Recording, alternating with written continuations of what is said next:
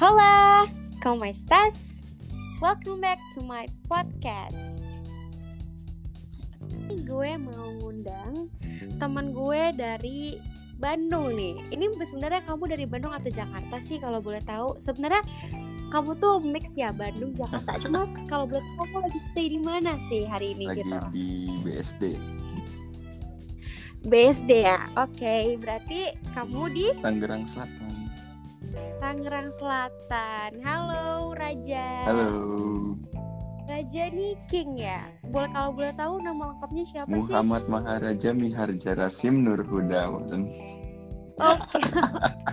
Panjang banget ya. Kayaknya tuh berat banget deh kalau misalnya eh, untung kamunya juga tahan ya. Biasanya kan kalau orang yang mau ngasih anak bayi nih ya, katanya kalau sakit itu namanya keberatan. Ah. Tapi kayaknya kamu aman-aman aja kayak ya kan Dulu, nggak sih? Ya dulu, kan? dulu sempat kan? sempat pas lahir tuh sempat dirawat dulu pisah dari ibu, eh pisah dari bunda katanya. Oh gitu. Mungkin Jadi emang benar kali ya. sampai oke, tapi tetap Ya dipertahanin ya. Tetap tetap tetap dipertahanin Iya ya dong. tapi. Kalau nggak tahanin Ya, dan jadinya raja yang sangat luar biasa sampai hari ini. Tepuk tangannya. eh, tepuk tangan. Oke. Raja. Aku manggilnya apa nih? Raja atau Mira? panggil aja gimana nyamannya udah terserah. Oke. Aku udah nyaman kok kalau sama kamu. Enggak, enggak. Iya. Iya iya iya iya. Oke. iya. Mira ya. Aku panggil Mira. Ah. Ke- Mira tuh singkatan dari Miharja Miharja Rasim. Rasim. Miharja Rasim. Oke, Mira. Kita tadi udah Mira. sepakat untuk bicarain toxic relationship. Yang mana nih, toxic relationship itu sangatlah marak dan sangat banyak terjadi di kaum-kaum millennials maupun generasi Z yang eh, yang baru sedang ber- apa sih yang sedang melakukan melakukan juga ya, yang sedang mengalami Iya. hubungan gitu loh, hubungan pacaran mungkin atau hubungan status-statusan mungkin ya. Nah, Status-statusan gak tuh? status-statusan gitu ya. Karena kayaknya zaman sekarang tuh banyak banget yang nggak pacaran tapi saling sayang. Katanya sih udah nggak zaman tembak-tembakan katanya. Tapi kalau menurut aku sendiri sih kayaknya penting ya. Menurut kamu gimana? Penting nggak sih tembak-tembakan menurut kamu? Enggak sih, dewasa aja. Soalnya ada temen gua tuh yang nggak nembak tapi udah jalan hampir setahun sekarang Wow, gitu.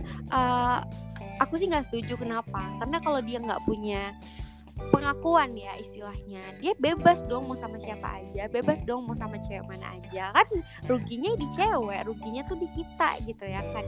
Ya kan ja, eh ya kan ja, ya kan mi, kita. Wihra. Oke, menurut kamu Enggak sih.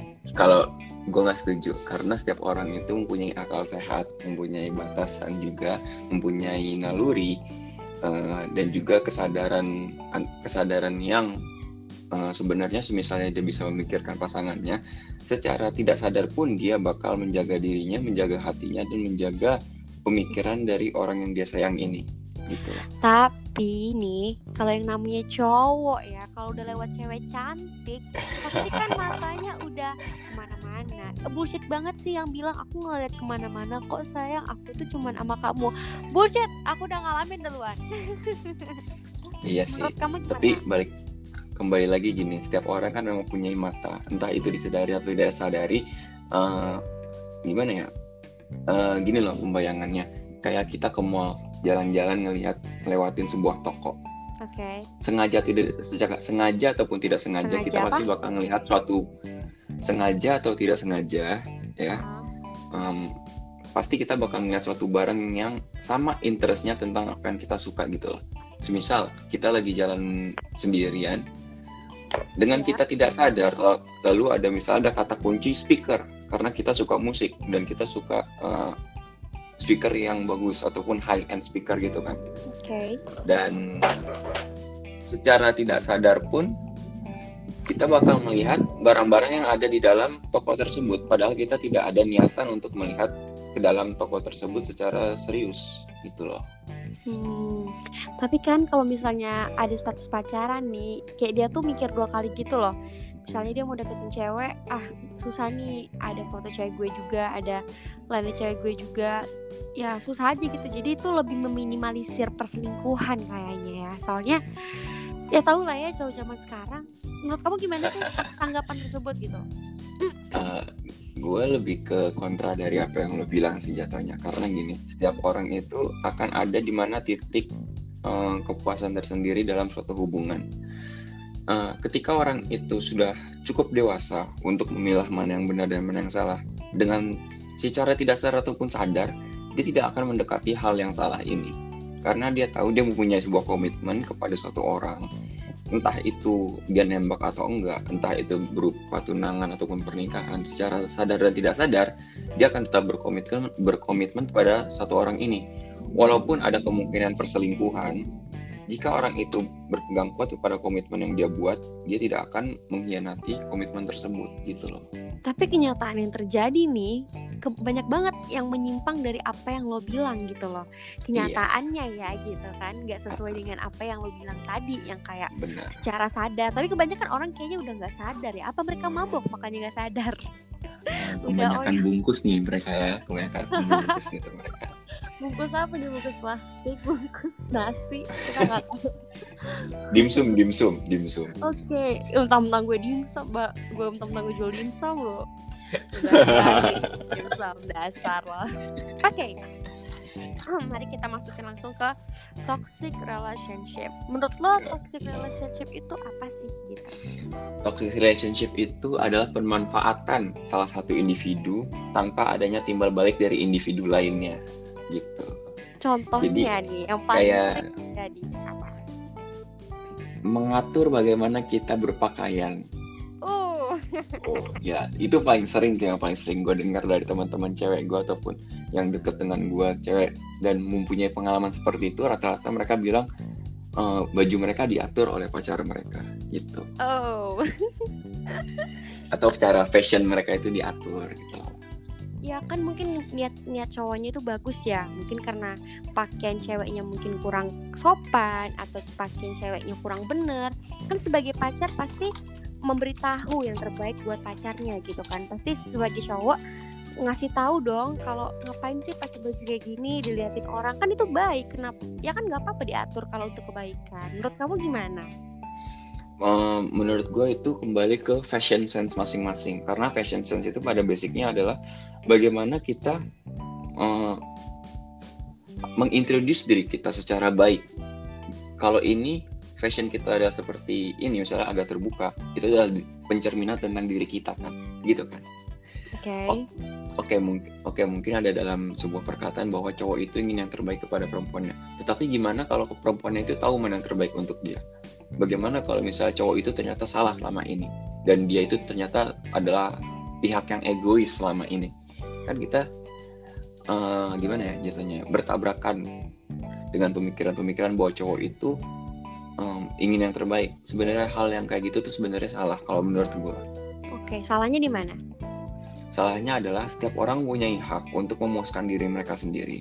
Semua orang itu mempunyai hak untuk membahagiakan diri mereka sendiri walaupun mereka dalam suatu hubungan oke mungkin dalam ikatan pernikahan hal itu bakal menjadi hal yang berbeda ini kan kita kan masih membicarakan dalam hal pacaran um, dalam konteks pacaran ini kita itu harus sadar diri juga bahwa kita tidak bertanggung jawab sepenuhnya tentang apa yang pacar kita lakukan. Kita nggak ada hubungan terikat dengan hukum karena kita belum menikah. Dan kita tidak bisa sewenang-wenangnya melarang anak orang bagaimana mereka hidup gitu loh. Ah, oke oke, iya.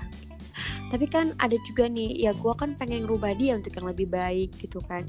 Ya siap hmm, pacar mana sih yang mau ngeliat ceweknya itu jadi bahan kelihatan cowok-cowok lain pacar mana sih yang mau ngeliat ceweknya itu jadi bahan apa ya bahan nafsuan orang lain gitu kan makanya kenapa cowok tuh kadang suka ngatur dan ngelarang ceweknya pakai ini itu. Mereka tuh sebenarnya takut dan mereka tuh sebenarnya scare itu gitu loh. Dan menurut lo itu salah gitu?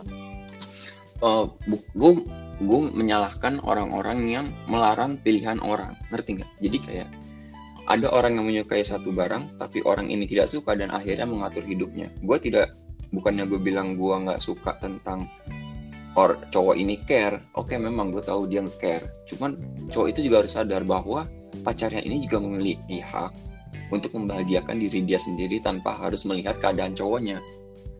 Gitu loh. Jadi ada ada satu saat ada satu saat di mana pacarnya ini juga punya hak untuk bahagia loh. Untuk me time gitu loh me time jadi sebenarnya lo nggak setuju di mananya sih jadi pernyataan gue tadi nih soal dia ngatur ceweknya cara berpakaian ceweknya buat kebaikan ceweknya itu tuh menurut lo benar apa enggak um, kebaikan itu sebenarnya untuk menurut sebagai kebaikan ya itu agak ambigu okay. karena dalam suatu uh. kan karena dalam suatu hubungan hmm. kebenaran itu bisa saja menjadi sebuah egoisme gitu loh hmm.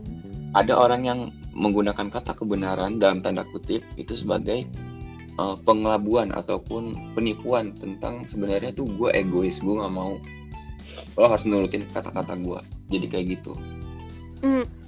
ya ya sih. Ada memang beberapa banyak sih teman gue yang pacaran dan benar-benar sedi sediatur itu gitu nah, itu iya, emang. satu sisi ada temen gue yang nggak suka diatur kayak gitu tapi satu sisi nih malah ada temen gue yang seneng nih gitu eh gitu kalau menurut yeah. tanggapan lu apa sih buat cewek yang seneng diatur atur gitu pada akhirnya semua orang akan punya batas jenuh dan mereka akan berubah sendiri. Jadi uh, ada alam bawah sadar manusia di mana mereka mempunyai titik balik dari apa yang mereka sukai sekarang. Contoh, pada saat ini kita lagi suka dengan sesuatu yang rapih ataupun berseragam. Oke. Okay. Hmm. Akan ada satu titik di kehidupan kita di mana kita akan merasa jenuh dengan pilihan kita sendiri kecuali orang itu mempunyai komitmen ataupun kepercayaan yang udah benar-benar diikat di dalam pikiran dia. Karena manusia itu pada dasarnya adalah makhluk yang tidak berkomitmen, tidak mempunyai um, apa ya pegangan yang jelas dalam hidupnya. Mereka butuh mentor, mereka butuh panduan. Hmm, ini kayaknya pernah gue omongin kayak sama lo ya soal um, orang tuh punya arahan butuh mentor ya gak sih? Iya. gak benar. Ya kan dan benar. Ya itu iya. benar. Itu benar banget. Setiap orang tuh mesti punya mentor dalam kehidupannya. Maupun maupun itu orangnya yang dituakan ya harus punya gitu loh ya nggak sih? Buat kita iya. istilahnya apa ya? Teman keluh kesah nggak juga sih? Dia lebih ke ngasih tahu gitu loh ngasih tahu. Walaupun yeah. sebenarnya mentor kita ini tuh nggak lebih baik dari kita tapi kita menurut kita dialah orang yang paling pas buat ngasih tahu kita nih supaya kita nggak keluar dari yeah. jalur ya nggak sih? Jalur. Oke. Okay. oke okay, yang pertama yang tadi penting kan soal... bukan yang yang penting bukan FWB penting... ya. Oh Kayaknya kita harus bahas soal FWB nih di next podcast ya. Untuk kali ini kita siap. bahas soal toxic relationship. Oke, okay, yang pertama tadi kan lo bilang toxic relationship itu yang bajunya diatur-atur nih. Nah, yang kedua apa? Bagaimana orang itu mengatur jam dan kehidupan ataupun tempat tinggal dia. Oh, ya itu kayak apa sih kalau boleh tahu? Gue pengen Jatuh, denger nih dari lo langsung. Jat, jatuhnya itu posesif sih emang, posesif dan terlalu protektif. Gimana ya? Uh, contohnya gini loh, ada kejadian. Aku mau kamu pulang sekarang ya gitu. Iya, ada keja ada satu kejadian.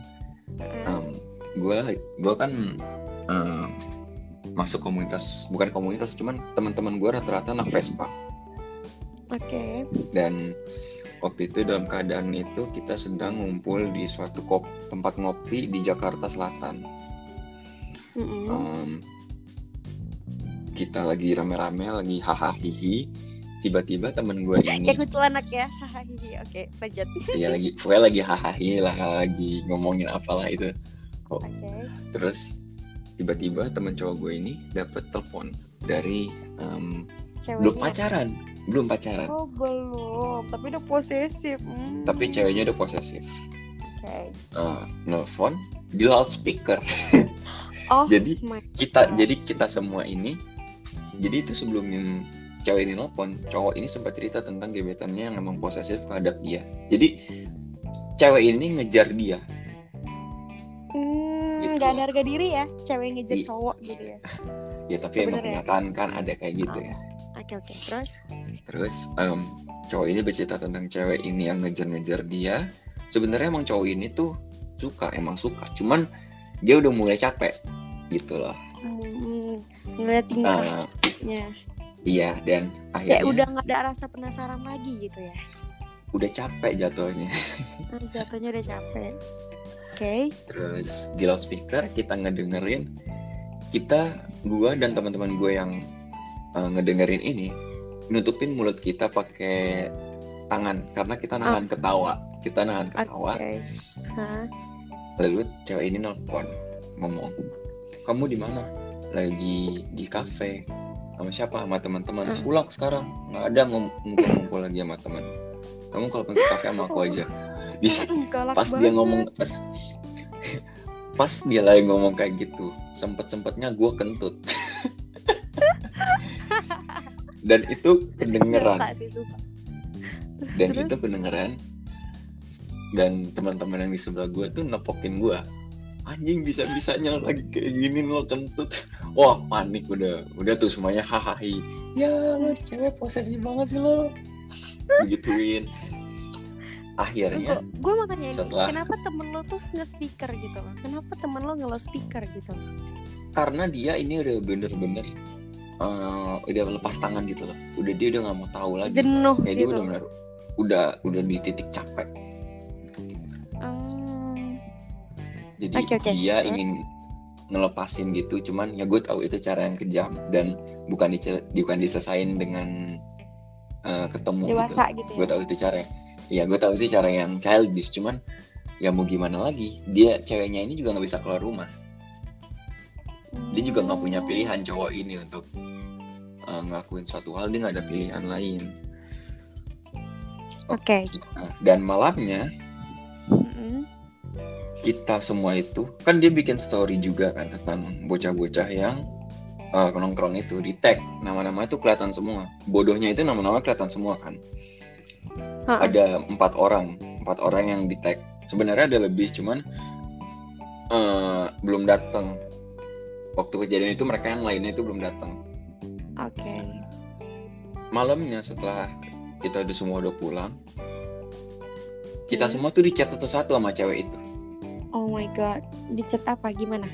Seru, Di galak ya cewek? di- Galak ya? uh, di chatnya gini em, lo semua cowok brengsek ngambil co- ngambil doi dari gua lo emang pada nggak tahu diri nggak mau ngeliat dia bahagia sama gua dan di situ gua kayak Apa sih? ini apa sih anjing kok kayak gini dah lo oh, ini jat dalam Pede banget ceweknya. iya iya dan setelah itu gue baru sadar kalau dia ini obsesi Hmm. dan Eh gue takut loh kalau cewek kayak gitu bisa kadang Iya. sampai ngebunuh atau gimana sih? ada yang jadi ada toxic di atas toxic relationship tuh ada yang di atasnya lagi namanya obsession Oh. ini cewek Parah ini udah bukan toxic lagi dia udah obsession Oke. dan ah, udah hilang nih cewek nggak ngubungin ngubungin cowok yang deket sama dia ini ataupun yang yang dia yang dia kejar ini hilang Hmm. suatu saat teman gue ini yang pernah dikejar ini deket sama cewek Oke. dan itu gue yang kenalin gue yang kenalin ke mereka gitu lah Hmm. Macam belang nih ya. Jadi jatuhnya. iya terus terus yang dulu ngejar cowok ini ngechat yang deket eh ngechat tem temen cewek gue ini yang deket sama Iya, teman gue Oh, Udah, Iya, mereka- oke oke ngerti. Terus Eh, mereka cekcok lu juga udah lama nggak ini tiba-tiba datang lagi buat ngeberat buat nge ngajak gelut ya nggak sih? iya Apa sih gitu kan? Kayak harga dirinya di mana? harga gitu dirinya di mana gitu loh. juga bukan pacar juga bukan siapa-siapa. betul jadi Terus tanggapan teman lo apa? wah udah dibilang psikopat udah itu cewek Terus sekarang gimana kabarnya cewek itu? Masih tetap ngeobsesi atau gimana? Eh, enggak jujur kalau boleh jujur ya ya. Nggak nggak tahu dah ikhlas atau gimana. Mungkin ada fake account atau gimana gue nggak ngerti. Dan ya hilang sekarang. Belum ada kabar-kabar lagi. Nggak tahu ke mana. entahlah. Gue takutnya bunuh diri aja ya jangan sampai lah. Karena cinta. janganlah kayak karena, karena bodoh banget lo bunuh diri karena cinta ih bogo bego banget loh yang bunuh diri karena cowok apalagi bukan pacarnya iya apalagi kayak gitu kan. Ya itu hal terbodoh sih. Oke yang ketiga nih apa nih menurut lo uh, toxic relationship selanjutnya yang sering lo lihat atau lo jumpain gitu di hubungan orang lain? Hmm, apa ya? Yang pertama kan tadi soal baju diatur kedua oh. jam pulang diatur ketiga gue tahu cemburu yang berlebihan cemburu yang berlebihan. Hmm, menarik nih. Gimana sih? Kalau boleh tahu tuh jelasin dong apa sih gimana sih cemburu berlebihan itu? Cemburu berlebihan gini. Jatuhnya cemburu berlebihan ini yang mengacu kepada obsesi. Cemburu berlebihan itu em, titik di mana orang-orang mulai melampiaskan eh, kemarahannya dengan mengatasnamakan cinta. Hmm, ya ya ya. Iya. Jadi kayak dia tuh marah-marah dibilang aku nih sayang sama kamu. iya gitu jadi ada Hmm. oh gue banyak banget cerita-cerita yang berhubungan sama kayak gini gue soalnya pernah ngeliat di depan mata gue sendiri Gimana tuh gimana tuh? temen gue anak motor Ceritain dong, ceritain. anak temen gue anak motor juga punya pacar selebgram Oh, ceweknya yang selebgram ini eh, posesif posesif parah. oke. suatu saat cowok temen gue ini yang anak motor ini ngupload foto dengan saudara perempuan dia sepupu benar-benar sepupu literally sepupu Hmm, iya. ceweknya nggak percaya itu sepupunya Terus? ceweknya menghubungin sepupunya terus Gila. ceweknya berantem dengan sepupunya Lah, terus pupunya malu dong si cowoknya. Terus cowoknya bilang apa? putus Langsung putus. langsung putus Yang mutusin si cowok. Eh, enggak ceweknya Kok yang Jadi- ceweknya? ceweknya merasa dibohongin playing victim lah Oh iya, hmm, playing victim ya. iya playing Itu, victim sih- itu sakit, itu sakit jiwa sih. Sampai sama saudara sendiri loh. ya kenyataannya emang ada orang-orang yang kayak gitu masalahnya Oh, Untuk di hubungan lo sendiri pernah nggak sih lo, nggak lo ngerasain toxic relationship ini? alhamdulillah belum pernah Tapi ujung-ujungnya juga lo di nggak bilang nih. jangan aneh-aneh ya Jadi jadi menurut lo itu lebih mending toxic relationship tapi dia setia atau nggak toxic tapi dia selingkuh gitu. Menurut lo lebih pilih yang mana? gue nggak milih dua-duanya Cari aman banget lo. Oke, next apa nih? Tadi kan soal cemburu cemburu berlebihan. Next apa lagi? satu lagi apa ya Yang hmm, terakhir ya. gue kurang tahu sih karena Eh, satu tuh gue tahu. Satu eh, baju diatur. Kedua jam pulang diatur. Ketiga cemburu berlebihan. Keempat eh ini dia tuh mau selalu diprioritasin ya. nah iya bisa jadi Semua harus semua tentang, dia. dia All about you gitu. Padahal kan setiap cowok tuh kan setiap orang punya dunianya masing-masing. Punya betul kesibukannya masing-masing. Kenapa harus ada lo di situ? Kenapa harus selalu lo di situ ya nggak sih? kecuali Semua- emang kecuali emang Hmm. pacarnya ngizinin kan ada dia di situ itu beda Iya. lagi semua kegiatan yang ada di dalam diri dia harus ada si ceweknya atau ada si cowoknya itu tuh kenapa sih gitu mungkin dia kesepian kali ya oh mungkin kesepian kali ya lo Oke. pernah nggak sih jumpain Iya. kayak gitu pernah banget pasti ya hmm, banyak. Ceritain dong gimana sih?